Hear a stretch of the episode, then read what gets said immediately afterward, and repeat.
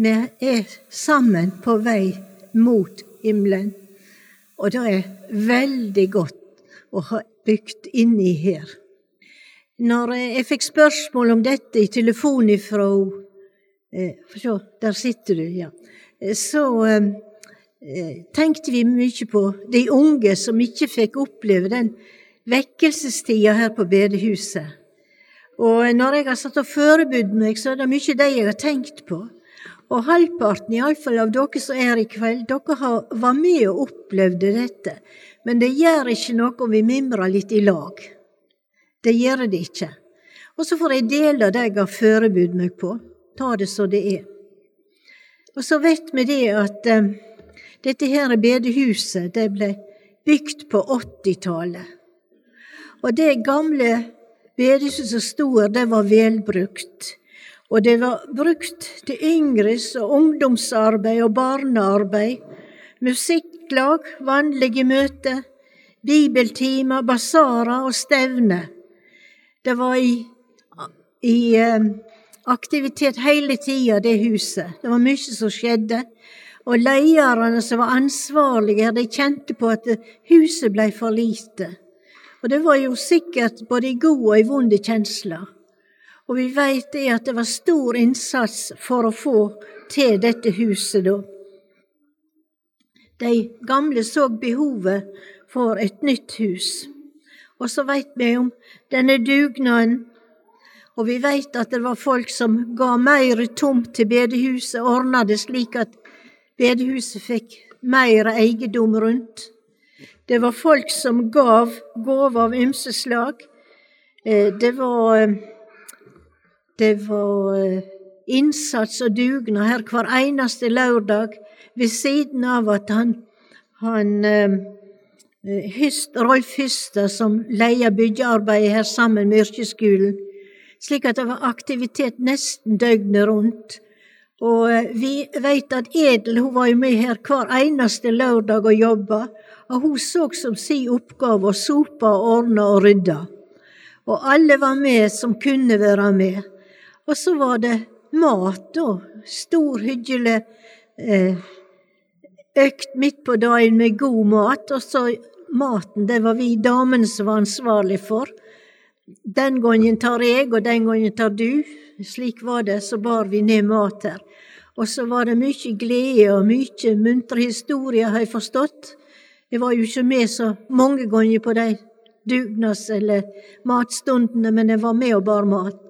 Det var mye glede, mye god historie, og mye krefter som ble lagt ned på dette huset.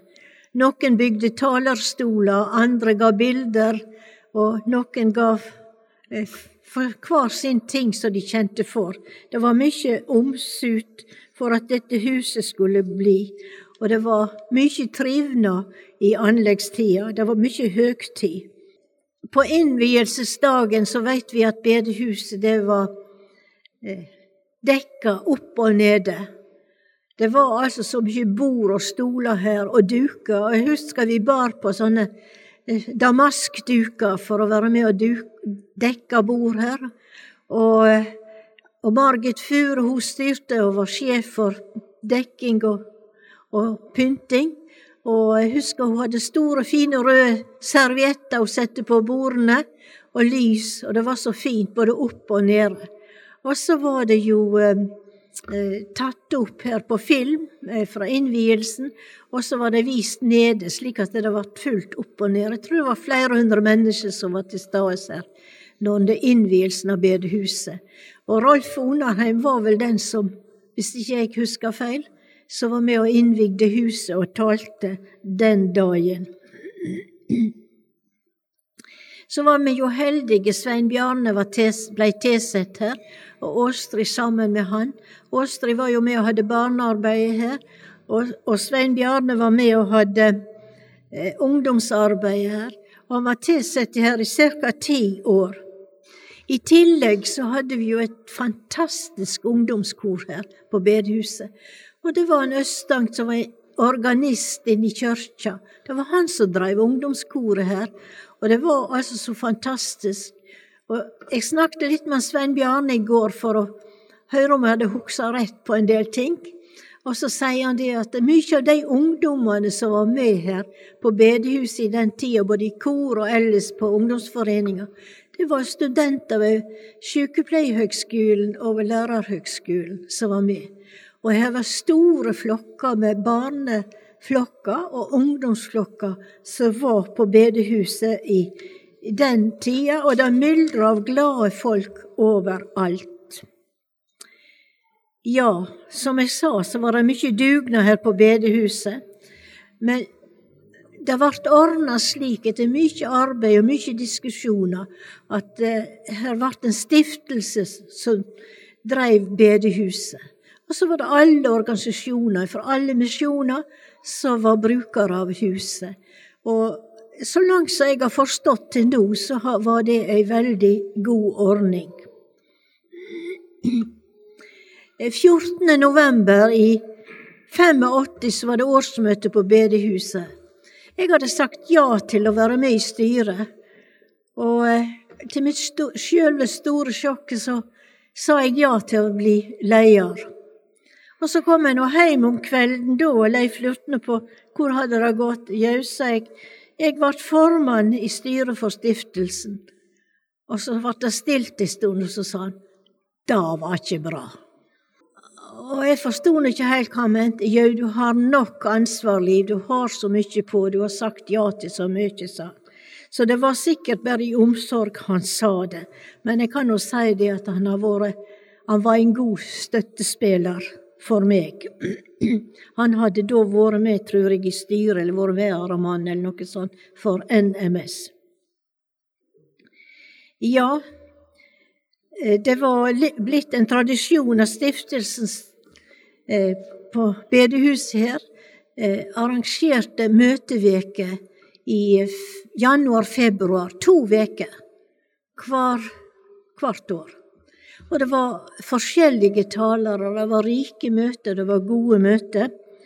Og um, slik ville de at det skulle fortsette. Og um, jeg skulle da prøve sammen med styret å få noen, da det ble vår tur, til å skipe til disse to møtevekene. Og jeg hadde jo bodd både i Stavanger og Oslo Hammerfest og i Sogn og Fjordane og forskjellige plasser, og leste jo de misjonsbladene jeg kom over, og syntes jeg hadde god kontakt med veldig mange predikanter, og tenkte at det måtte gå bra. Og jeg vet ikke, jeg har ikke det faktiske tallet på hvor mange jeg sporer. Men før jeg sporer så forskjellige, så drøfta vi det jo i styret. Hvem skulle jeg spørre? Kunne komme hit som taler. Og, og, det var ikke få. Jeg tror det var, jeg tror ikke lyver når jeg sier det var mellom 30 og 40 stykker jeg hadde kontakt med, om de kunne komme og være taler på disse møtene våre her etter jul. Og det var nei og beklager, ja, forskjellige svar. Og ehm, jeg husker, jeg husker Jeg trodde vi var veldig tidlig ute og jobba, men jeg lå ute i hagen og, og lugga oppe i vinkelen. Og det lå så på meg at vi ikke fikk ja noen plass. Og jeg lå og grein og ba og grein og ba om at Vår Herre måtte se i nåde til oss og sende noen som kunne tale Guds ord og få, få liv i forsamlinga. En dag så sier Rolf Hystad på møtet, har du spurt han Klaus Muff? Nei, hvem er det da, sier jeg. Og da sa han at han var tilsett predikant, han var i misjonsselskap og ga meg noen tips.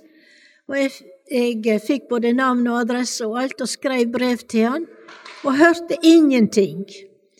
Og eh, en kveld jeg kom hjem fra kveldsvakt på sykehuset, så var huset tomt, så jeg slo på radioen, og da fikk jeg inn Eh, lokalradioen fra Haugesund.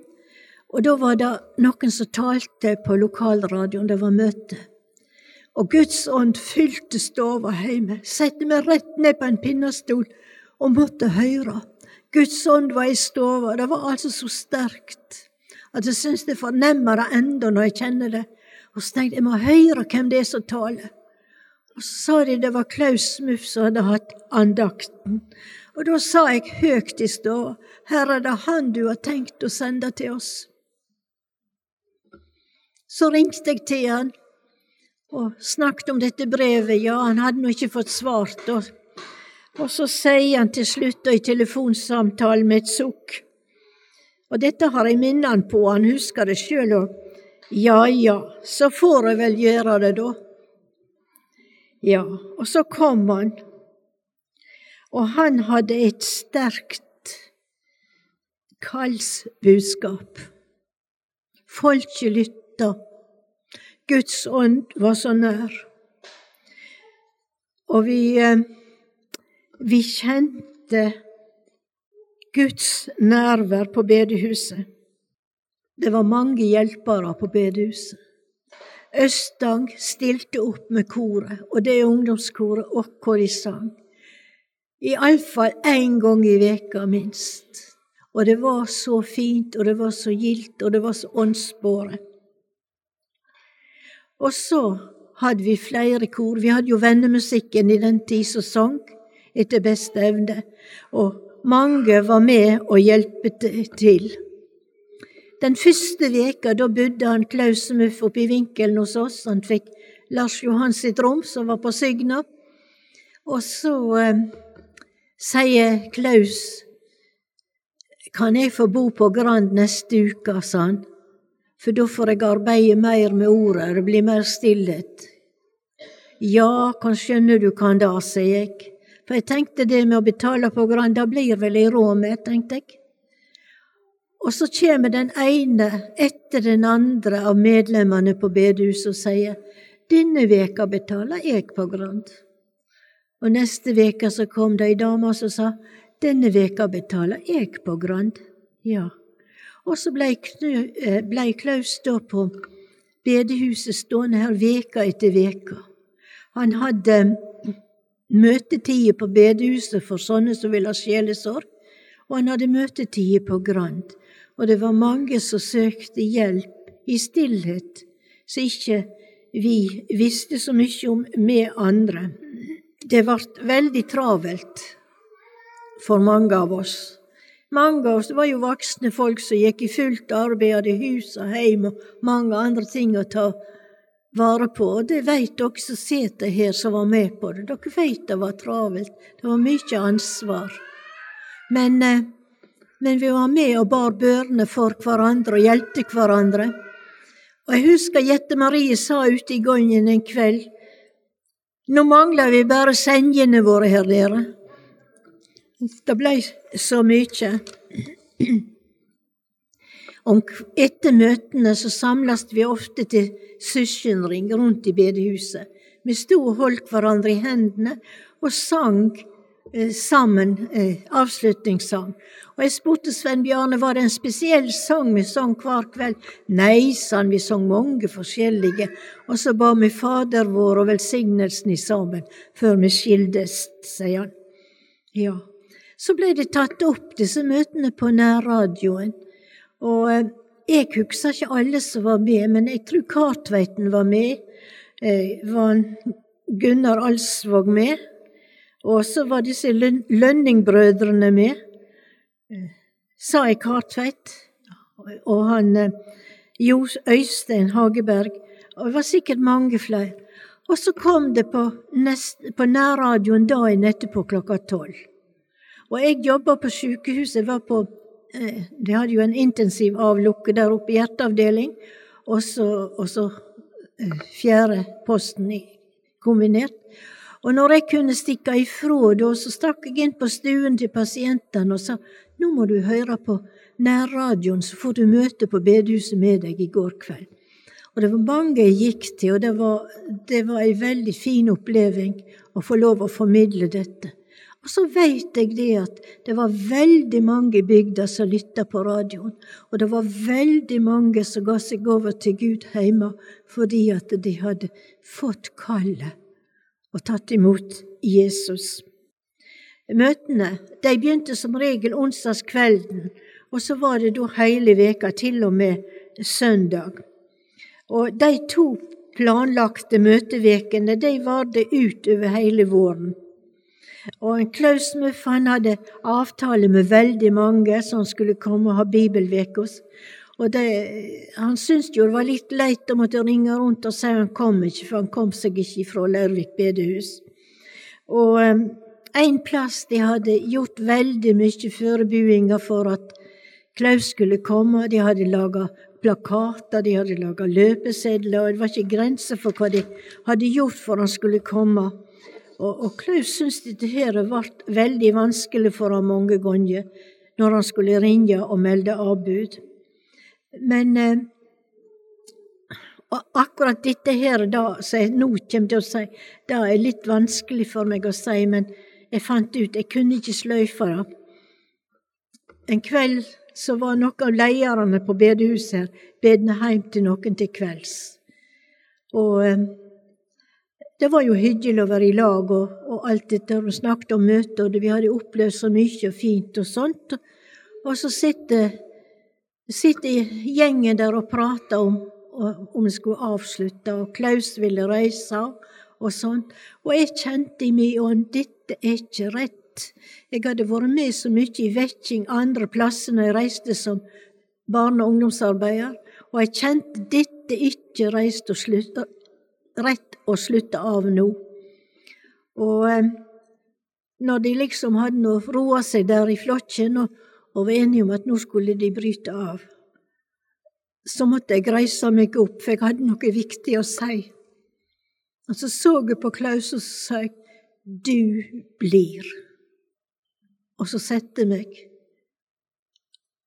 Og det blei jo veldig, veldig stilt lenge. Og så sa Leif,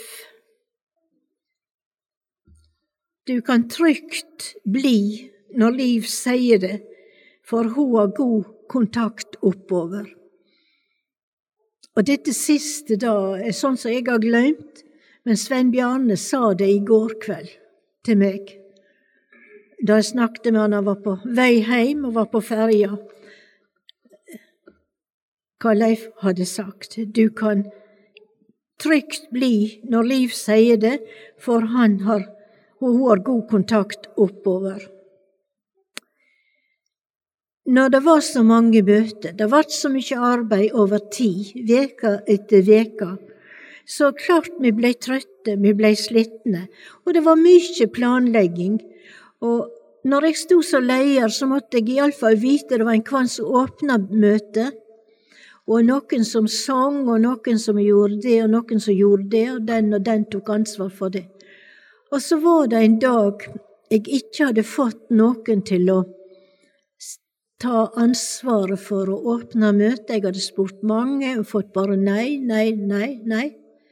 Og jeg kom hjem trøtt fra arbeid, lagde middag og la meg, strekte meg litt. Og ringte da til noen som tenkte den sier iallfall ja. Og så fikk jeg nei. Og så kjente jeg hvor skal dette gå? Men så slo det ned meg, hvorfor kan ikke du sjøl gjøre det? Og så slo jeg opp Bibelen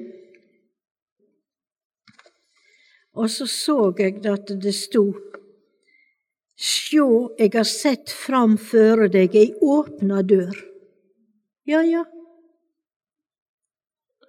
Og så slo jeg opp Bibelen på en annen plass, og det var bare tilfeldig, og der sto det ifra Isaiah 6 Sjå, her er jeg, send meg. Det var to beskjeder til meg. Ja, ja så ba jeg og ba jeg og ba jeg, og jeg følte på en måte jeg kom så nær Jesus. Og så fikk jeg da et nytt ord som jeg skulle gå med, og det var ifra første krønikebok 28, 20. Og da skal jeg lese. Så sa David til Salmo, sønnen sin, Vær frimodig og sterk og gå til verket. Vær ikke redd og miss ikke motet, for Herren Gud, min Gud, er med deg. Han slipper deg ikke og går ikke fra deg før du har fullført alt det som skal gjøres i tjeneste for Herrens hus, i Herrens hus.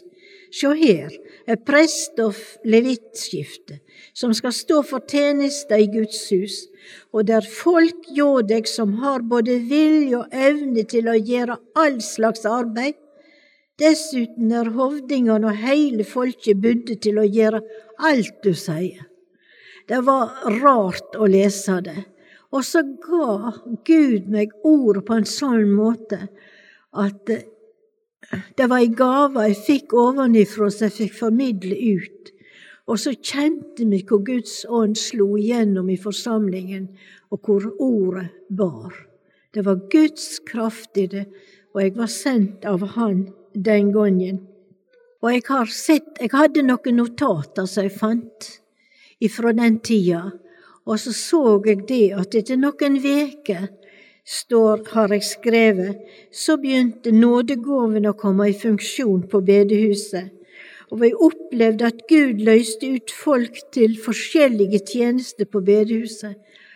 Og, og da så jeg for meg disse forskjellige som gikk på bedehuset den tida, som ellers ikke kommer, og de sto fram og vitna, de sto fram og åpna, og det ble akkurat som noe ble løst ut på en ny måte. Og det var ei veldig sterk oppleving. Og eh, det var utrolig ny, mange nye som kom, som sagt, og var med og, og la fram ordet og vitna om hva Jesus gjorde for dem. Og nå Jeg kunne sikkert sagt mer, men det var i grunnen dette jeg var blitt rolig for å dele. Og dere sitter med så mange tanker, dere som var med i denne tida, som kanskje kunne vært med å berike dette og, og, og øke fortellinga. Men eh, da må dere være gilde å dele det, i så fall. For eh, jeg håper det er rett, det jeg har sagt. Og så har jeg lyst til å be. Eller takke Jesus fordi det, det du har vært for meg. Takk, Jesus, fordi at jeg fikk kall i unge år. Takk fordi at du har fulgt meg i ungdomsår og i manndoms og i alderdom. Og så takker jeg Jesus fordi at ikke du svikter. Takk for den rikdommen det har vært og vårt fått vår i fylje med deg, Jesus. Og takk fordi at du er med hele veien, går du med meg. Og så går du med hver eneste en som er her på bedehuset. Og så veit du at vi ber og sukker til deg om at du må velsigne forsamlinga, de unge og de som har tjeneste her, og de må få kjenne krafta i liva sine, slik at de kan formidle budskap om deg, Jesus, og få kjenne at de frelse setter en fri. Takk, Jesus, for det er en stor flokk her som har vært i fylje med deg, og takk fordi at du vil være med oss videre. Amen.